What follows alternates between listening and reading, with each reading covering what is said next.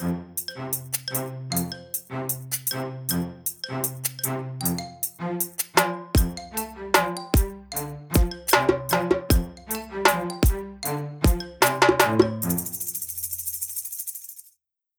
välkomna tillbaka till Stacken tillsammans med mig Daniel Gustafsson och Kim Hindart.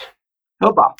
Idag Kim ska vi prata om något som eh, är lite, lite, lite ovanligt för oss kanske, men du har en tes runt en grej som vi ska snacka om. Vi ska prata om PU-samtal. Ska vi göra, för det har alla svenskar i lagstiftat att vi måste göra minst en gång om året. Ett PU-samtal eller ett utvecklingssamtal som det också kan kallas är ju till för att jag som individ som jobbar i ett bolag ska få berätta för min närmsta chef vad jag vill, hur jag mår, hur jag trivs, vad jag önskar och framförallt vart, åt vilket håll ska jag i livet? Hur ska, hur ska utvecklingen ske med det jag jobbar i? Och sen ska vi försöka knyta upp säcken runt det här, vad det här har att göra med informationssäkerhet att göra. Men Kim, börja. PU-samtal. Ja. Nej, jag ser bara det som ett så fruktansvärt bra tillfälle att kunna göra någonting konstruktivt och vettigt som kan inspirera, engagera och liksom motivera både chef, företag och den anställde. Men jag ser också helt förfärliga, förfärliga exempel på hur man kastar bort det här. Och det jag upplever ibland är att väldigt många managers tycker åh vad jobbigt, jag måste ha det här och tar inte tillfället i akt och ser okej, okay, men hur får vi ut det mesta av det här då så att säga. Så att det är. Så det jag vill knyta fram lite grann till det är ju att det finns en modell som handlar om identitet och situation. Mm. Och väldigt, väldigt många PU-samtal går ut på att bara handla om situation. Mm. Men jag menar att din identitet, det är ju någonting som du som biologisk varelse har ju en grund för uppsättning. Det är en genetisk grunduppsättning. Jag kan inte bli så mycket längre. Tyvärr, hur mycket jag än vill det så kommer jag inte kunna bli så mycket längre. Så det är, ja. Kim är väldigt så, kort för att vara tydlig. Ja. ja, så det är en del av min identitet, så jag får bara finna mig i den. Sen så har man ju då sin samlade erfarenhet. Det du har i din erfarenhetsbank, det du har upplevt hela ditt liv, samlat. Det är det som, tillsammans med din biologi som gör din identitet. Då, så att säga. Det är mm. det som har gjort det livet. Den är ju svår att ändra på och alla modeller säger att det är situationen en ledare kan ändra på riktigt bra. Mm. Men jag menar att under den personliga utvecklingen, det du kan göra är ju tillsammans med en anställd gå igenom vad är det de vill ha i sin erfarenhetsbank om ett år en önskelista helt enkelt. Ja. Och det tycker jag att både varje manager och varje individ ska tänka på att göra en Christmas wishlist. Det är därför jag säger, nu är vi snart i jul, så inspireras här. Mm. Gör en önskelista, precis som när du var liten. Det här vill jag gärna ha. För att det är ju det här, men tänk på just vad, hur ser jag min personliga erfarenhetsbank om ett år? Vad är det jag tycker jag saknar där och vad vill jag fylla på med? Mm. Och då kan man komma överens med arbetsgivaren. Hur kan arbetsgivaren hjälpa mig med det? Och så kan man försöka hitta någonting bra på önskelistan där. Och då mm. menar jag att precis som alla barn. Nej, du behöver inte uppfylla allt på önskelistan, för det är inte rimligt. Och det tror jag till och med de flesta barnen inser att de kommer inte få allt på sin önskelista. Nej. Men får de ingen julklapp alls så kommer de att bli besvikna. Så är det bara. Och framförallt om de har blivit lovade en julklapp, nu blir de jättebesvikna. För att bara för att referera till den modell du, du pratar om, det här med identitet och situation. Det, eh, det fanns en eh, tysk psykolog som heter Kurt Levin. Det är hans modell som heter Levins Model of Human Change. Jag vet att här har vi pratat om i tidigare avsnitt, men vi tar upp den igen för den är relevant. Som då heter beteende är lika med identitet plus situation. Och precis som Kim sa, normalt sett så lägger vi krutet på att förändra situationen och uppmanas att lägga tiden på den, för det är den kortsiktigt vi kan förändra. Identiteten, precis som Kim säger, är däremot någonting som är högst individuellt, har tagit tid att etablera och framförallt kommer ta lång tid att förändra. Exempelvis, vi kan ta ett exempel. Jag ska sluta röka. Om jag har rökt i 15 år så har det blivit en del av min identitet. Att sluta röka i sig kan vara jobbigt bara genom att det är nikotinet som man, man, man, sök, man söker i kroppen. Men faktum är att det har blivit en identitet att ha en cigarett i handen eller att vara en del av klubben som går ut och röker på rasten.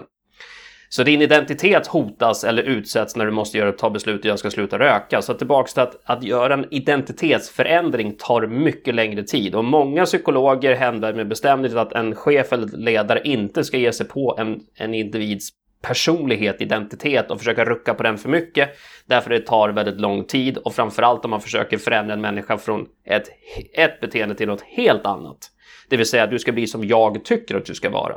Det är att avråda alla lägen. Men här har vi en liten, liten avvikelse. Jag håller med Kim om att här skulle man kunna göra en liten insats. Typ PU-samtalet. Kim är min chef, jag är den som är på PU-samtalet. Jag lägger en önskan på vad jag vill för att utveckla mig själv som individ. Det går att anamma. Och då går det ju att ta önskelistan. Titta, var matchar vi som arbetsgivare och personal bäst? Och så kan man komma överens om det. Och sen om ett år kan man följa upp. Därför att jag blir totalt knäpp när det blir väldigt mycket. Eftersom det här är lagstiftat i alla fackliga regler att du måste ha. Mm.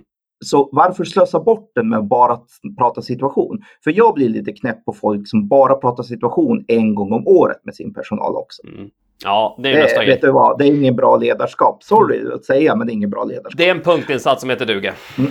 Och nu får vi vara tydliga. Många kommenterar ibland. Vad gör ni på City då? Ja, vi är inte ett dugg bättre, tro mig. Mm. Vi är inte här för att vi försöker säga att vi är bäst. Vi är här för att vi har nyss lärt oss vilka minor man går på. Mm. Så ni förstår, vi kan, ja. Vis av erfarenhet. Vis av erfarenhet, för vi har gjort alla misstagen. Så att, eh, men jag läste förra årets utvecklingssamtal. Och här är det en anställd och hans eh, manager som har suttit i två timmar. Och det de har protokollfört är att anställda önskar ett höj och sänkbart skrivbord. Det var, det, var det årliga lagkravda eh, utvecklingssamtalet, ett höj och sänkbart skrivbord. Förlåt om jag säger det, men jag tycker att man hade ju kunnat komma på någonting mer konstruktivt, någonting mer utvecklande. För att jag tycker att ett höjsänkbart skrivbord, det är en liten sån situationsgrej som du bara löser. Mm. Jag vet inte. Mm. Till det tragiska här, tror du att han har fått ett höjsänkbart skrivbord nu ett år senare? Nej, förmodligen inte. Nej, så... Ja, så där är vi och då menar jag att inte nog med det, han har inte ens fått det. Och här är då problemet, när du börjar bli lovad massa saker och de har aldrig uppfyllts. Mm. Vad händer då? Ja, det här är intressant och varför egentligen vi tar upp det tillbaks till att om vi nu sätter en agenda, men om vi säger att vi kommer på en lite mer kreativ lista än bara höjbar, höjsänkbart skrivbord. Vi kommer på en tre, fyra saker som du som chef lovar mig att under, under nu kommande år 2021 så ska vi jobba på det här, det vill säga jag kanske vill gå kurser, vill gå utbildningar, jag vill fortbilda mig någonting eller eh, byta inriktning på vad jag jobbar med, vad det nu må vara för någonting. Vi är överens om en fyra, fem saker. Om då går ju jag in med en förhoppning 2021 om att det här ska ske. Och jag, in, jag, känner mig lite taggad och inspirerad. Och du har faktiskt lovat mig dessutom, det finns ju dessutom protokollfört. Och sen så konstaterar vi efter 2021 har gått att ingenting av det där hände. Då händer samma sak som exempelvis som du nämnde med, med barn tidigare. Skulle jag lova mina barn att få någonting och jag verkligen lovar jajamän, du ska få det och de inte får det. Nu blir de jätteledsna. Det är det första som händer. Plus att mitt förtroende för dig som ledare sjunker dramatiskt på en gång.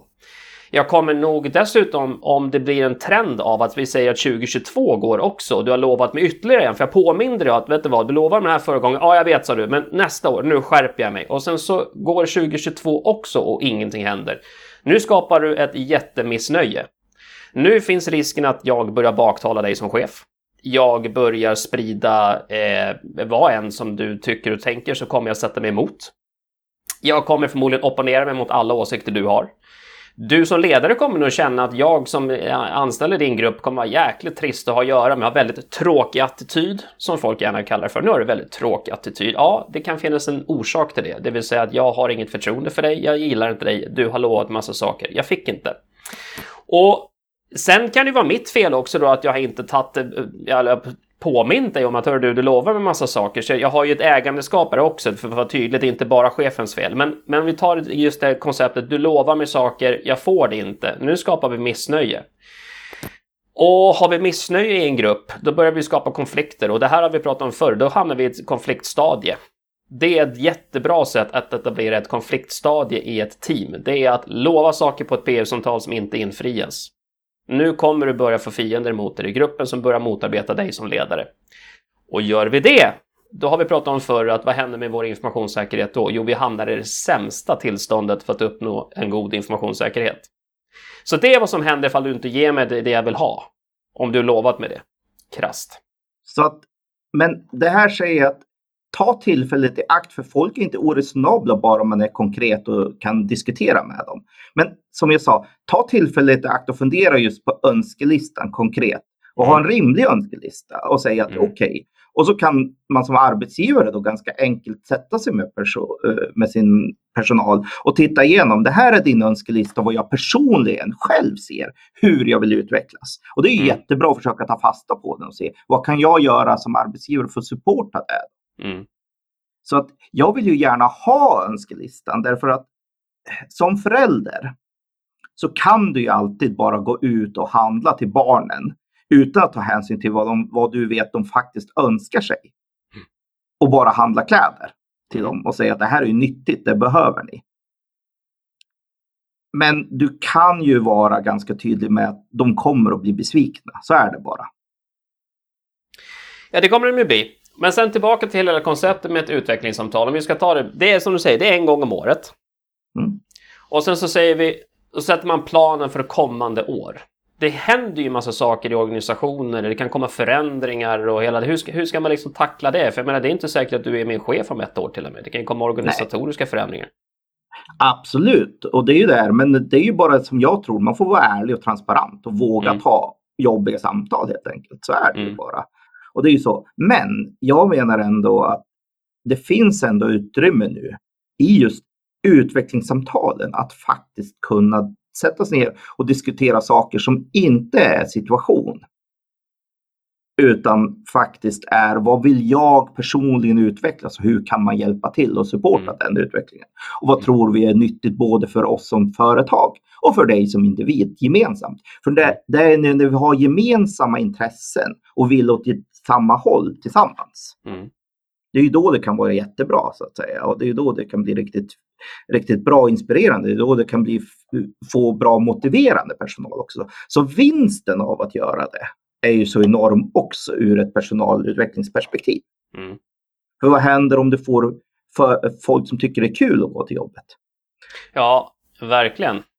Vad händer då Kim? Om jag är glad mm. när jag går till jobbet, vad gör jag då? då? Ja, precis. Du drar med dig andra. Ja. Och här är det en väldigt viktig vinst, så det blir större än summan av sina helheter. Mm. Eh, men jag vet att vi hade ju en diskussion när vi började kulturprogrammet och folk möttes med attityden. Men vad fan, det här är ju ingen idé om det enda det gör är att folk trivs på jobbet. Då är det väl ingen idé att göra det. Ja, verkligen. Uh, mitt svar på det är att om, om allt du lyckas göra är att få din personal att må bra, då är det nog förmodligen det bästa ledarskap du gjort den dagen, för att vara tydlig. Om, om allt som hände var att någon blev glad, exempelvis. Eller kände att det var kul att komma tillbaka imorgon bitti. Det är nog förmodligen det absolut bästa ledarskapsinsatsen du har gjort. Men tillbaka till att hela, hela diskussionen med ett PU-samtal där just där vi pratar långsiktig plan över ett år. För ett år är långt. Och då håller jag med dig om mm. att vad vi än sätter på den här önskelistan måste ett vara genomförbart. Det måste faktiskt vara genomförbart. Det får inte vara för många saker heller. Men det ni sätter på listan måste du som ledare faktiskt exekvera på att det faktiskt genomförs. Eller i vart fall läggs fram ett, en förutsättning att kunna genomföra. Sen är det ju mig, upp till mig som individ som, som faktiskt måste ta åt mig och göra på sista raden. Men, men vi kan inte ta det som en långsiktig plan och sen så gör vi ingenting. Nej. Och sen tänker vi att det här var vår situationsförändring för i år. Därför situationen, den jobbar du med varje dag. Det är mm. det som är stora skillnaden. Individens identitet kan du en gång om året sätta en plan för hur du kan utveckla. Situationen i B är lika med I plus S, den jobbar du med varje dag. Och för att vara extremt tydlig, räkna inte med att det blir en identitetsförändring med en gång heller, för det tar väldigt Nej. många år. Här är det ju bara att ni kan komma överens om någonting som är rimligt, genomförbart och båda vill. Mm. Det är ju fantastiskt. Åt samma håll. Och då behöver det inte vara mycket ens en gång. Det kan vara att jag känner att jag vill ha mer kurser med det här. Eller jag känner mig otillräcklig. Jag känner att jag vill kunna stå på scen och prata. Men jag är lite skraj över det. Ja, låt oss öva på det då, så att säga, mm. och ge dig utrymme att göra det. Det, mm. det är mycket sådana här saker som jag menar man kan komma överens om tillsammans. Och då menar jag att det är inte svårt om man faktiskt öppnar och ärligt pratar med varandra och inte diskutera ett höj och sänkbart skrivbord eller färg på min dator. Nej. Eller jag vill ha ett rosa tangentbord imorgon. Nej. Utan faktiskt ärligt diskutera vad vill jag som individ utvecklas mot? Vad känner jag att jag skulle må bra av Mm. och ta steg emot? Och så kan eh, man som arbetsgivare och manager titta och tänka, ja men jag håller med, det här vore ju kul och det vore inspirerande. Om du gör det där också, så vad är min insats som manager och vad är din insats som anställd? Och så möts man där och Mm. mer eller mindre gör en överenskommelse inför kommande året. Det här är ambitionen hos oss båda två Mm. i form av insats. Sen kanske inte alltid går igenom och det kan finnas orsaker till det. Men jag menar, då kan man ändå ha den planen inför kommande året eftersom det ändå det är en gång per år du gör det här. Mm. Och de är som, som ni sa, situationsgrejer. Ha inte att om ni tror att diskutera situation är det man gör en gång per år.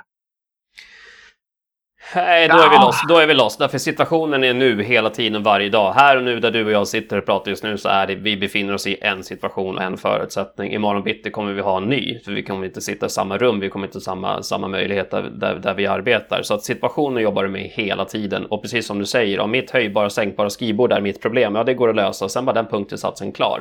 Eh, om jag inte trivs på den avdelningen jag sitter i, det är för dåligt ljus eller jag har, vad det nu är för någonting, ja det går också att rucka på väldigt snabbt och det bör fixas per omgående också för att vara tydlig för att öka ditt välmående på din arbetsplats.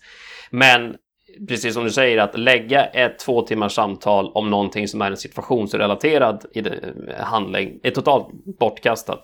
Här har vi möjlighet att sätta planen för att utveckla individen. För börjar vi utveckla individen och individen känner att den får ett, ett stöd att utvecklas, ja, då kommer du också ha en glad anställd som gör att du kommer ha en tryggare anställd som kommer vara mera mån om att stötta dig som ledare, stötta gruppens agenda, företagets agenda och framförallt inte bli ett säkerhetshot av det faktum att personen är irriterad, förbannad, arg och inte trivs. Därför att trivs man inte med jobbet och tycker man inte om sin arbetsgivare, du gör inte samma insats. Så är det bara. Nej. Du gör inte samma ansträngning. Så bara där finns det enormt. Och då behöver det inte vara illasinnat. Det är bara att du gör inte samma fokus helt Mm. enkelt. Och jag tänker, alla ni, det finns ju en hel del som spelar golf där ute. Mhm. Det, är, det svåraste som finns, det är ju när du har bränt 15 slag redan. Mm. Att fokusera hårt och inte slänga bort matchen. Mm. och fokusera och faktiskt göra det bästa du kan de sista Mm. hålen. Vi är alla sådana som människor, så har vi redan bränt bort oss och känner jag känner mig inte alls motiverad av det här längre. Då ger vi upp. Då ger vi upp. Mm. Och ha det tillståndet.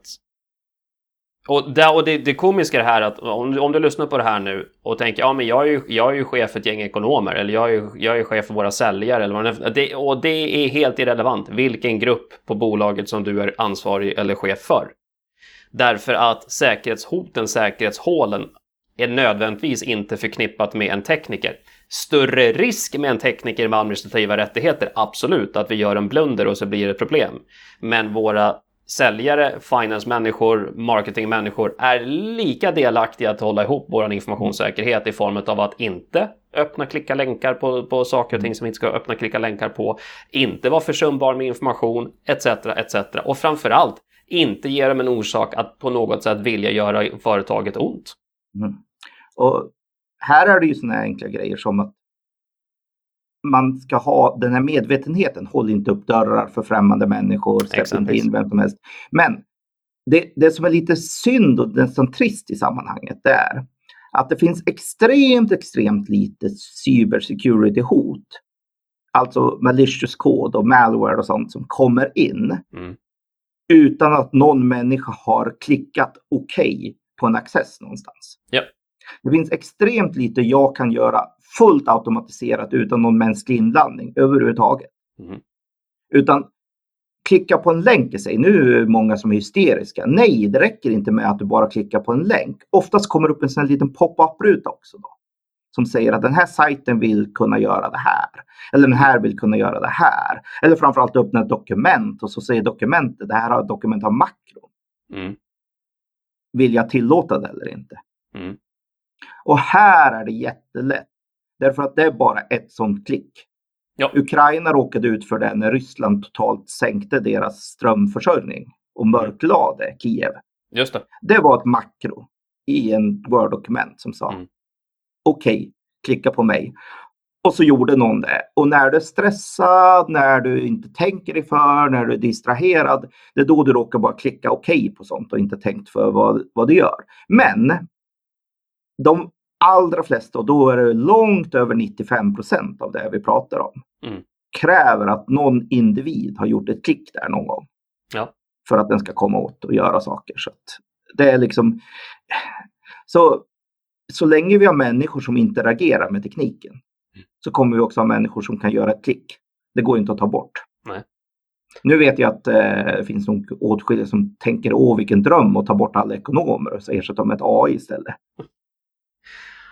Ja, det kanske det finns. Vi är inte riktigt där än. Där är vi inte än och det kommer inte ske på närmsta, närmsta tiden heller. Så att det är ingen ambition att ha. Men tillbaks till att hur stor är risken att en individ som är arg, förbannad, irriterad på sin chef eller sin omgivning eller det företag man jobbar på känner att man inte blir hörd, sedd, förstådd. För det är ju det här det knyter tillbaka till. PR-samtalet är ett fantastiskt tillfälle att just se, höra, förstå den individ du har framför dig. Individen blir, ident blir eh, identifierad som den den är. Och om jag blir hörd, sedd, förstådd, nu ökar mina chanser att jag trivs. Blir jag inte det, nu ökar mina chanser att jag vantrivs. Och en irriterad Och- person som har mindsetet jag bryr mig inte kommer att klicka på den där länken. Och här vill jag uppmana dels alla människor att ta er tid och lyssna på vad de vill. Men framför allt vill jag upp, uppmana alla anställda, och då menar jag alla anställda, Mm. att sätta er ner och fundera på vad, hur vill jag utvecklas under kommande år. Gör en riktigt konkret, för ju mer konkret den är och ju mer hjälp du kan få ur ett handlingsgrepp, ju, ju mer tydligare och enklare det är för din närmsta chef att hjälpa dig att nå det här, desto enklare är det att upp- uppfylla önskan också. Mm. Så att jag säger det, ta er tiden och gör ordentliga önskelistan. Vad ser jag för personlig utveckling? Hur ser jag att arbetsgivaren med ett enkelt medel kan hjälpa mig med det här och komma dit? Och sen sätta ner och diskutera det. Därför att det är ju enligt alla förhållanden en relativt lätt grej då att vara överens om någonting som är genomförbart. Men det kräver ju att man faktiskt tänkt efter före.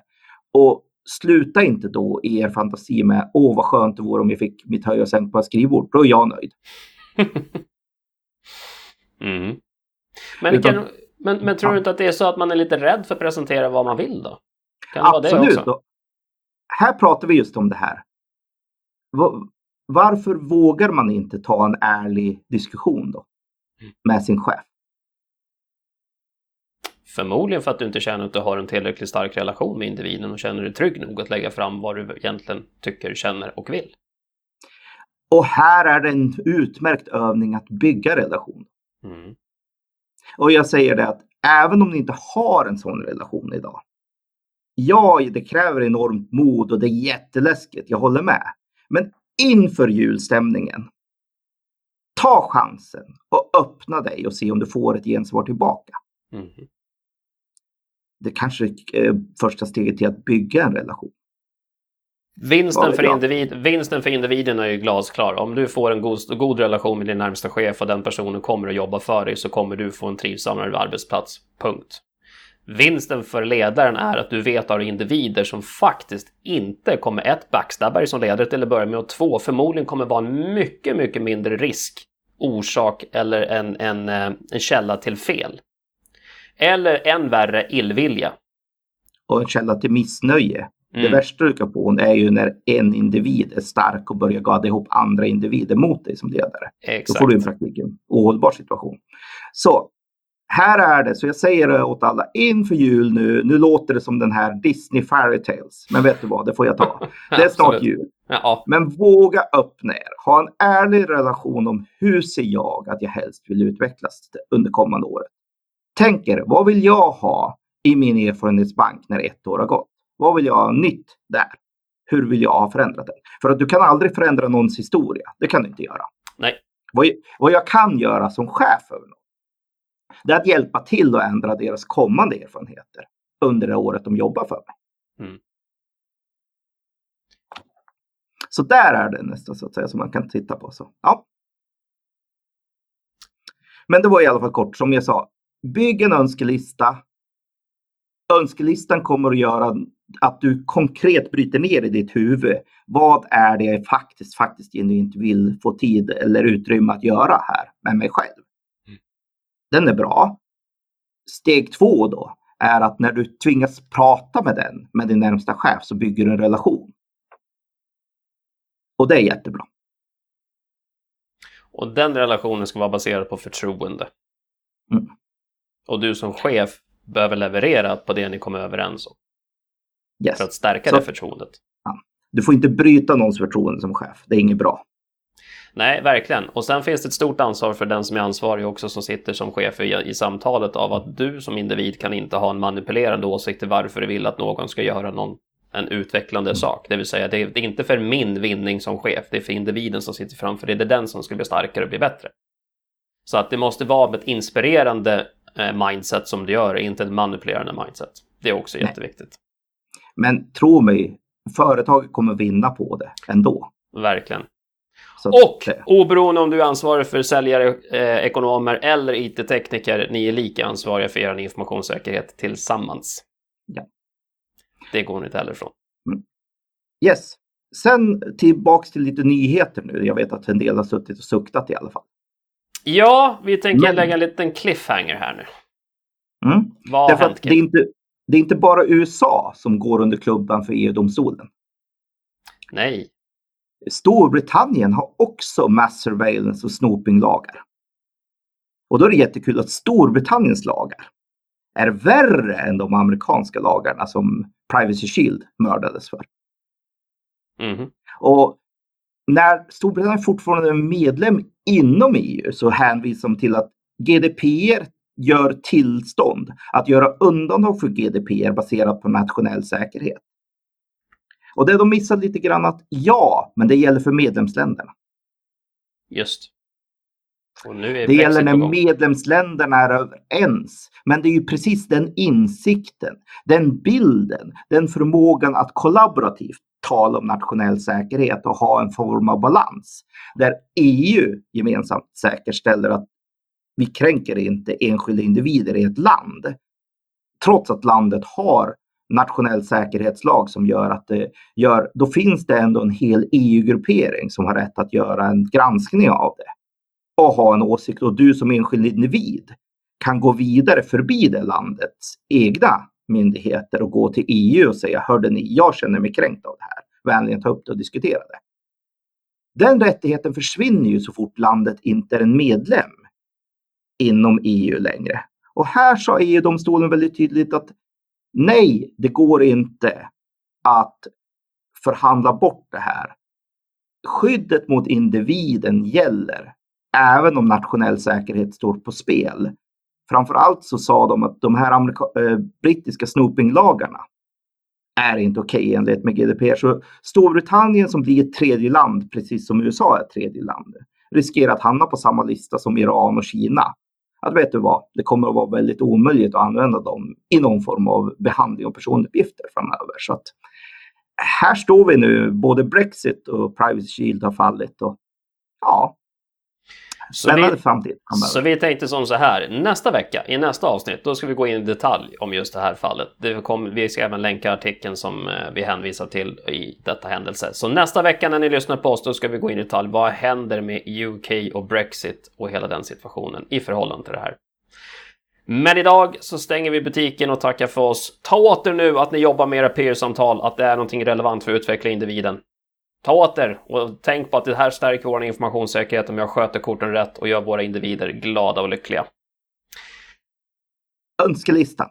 Din erfarenhetsönskelista. Vad vill jag ha för erfarenhet när ett år är över? Börja fila på den inför jul. Den är viktigare än någon annan kaffebryggare ni kan komma på. We promise. Mm. Vill ni ställa frågor? Vill ni vara delaktiga i diskussionen? Vill ni vara med i podden så hör, hör ni av er på citynetwork.se podcast. Där finns information om avsnitten, möjlighet att ställa frågor, möjlighet att höra av sig till oss. Gör det så ni bussiga.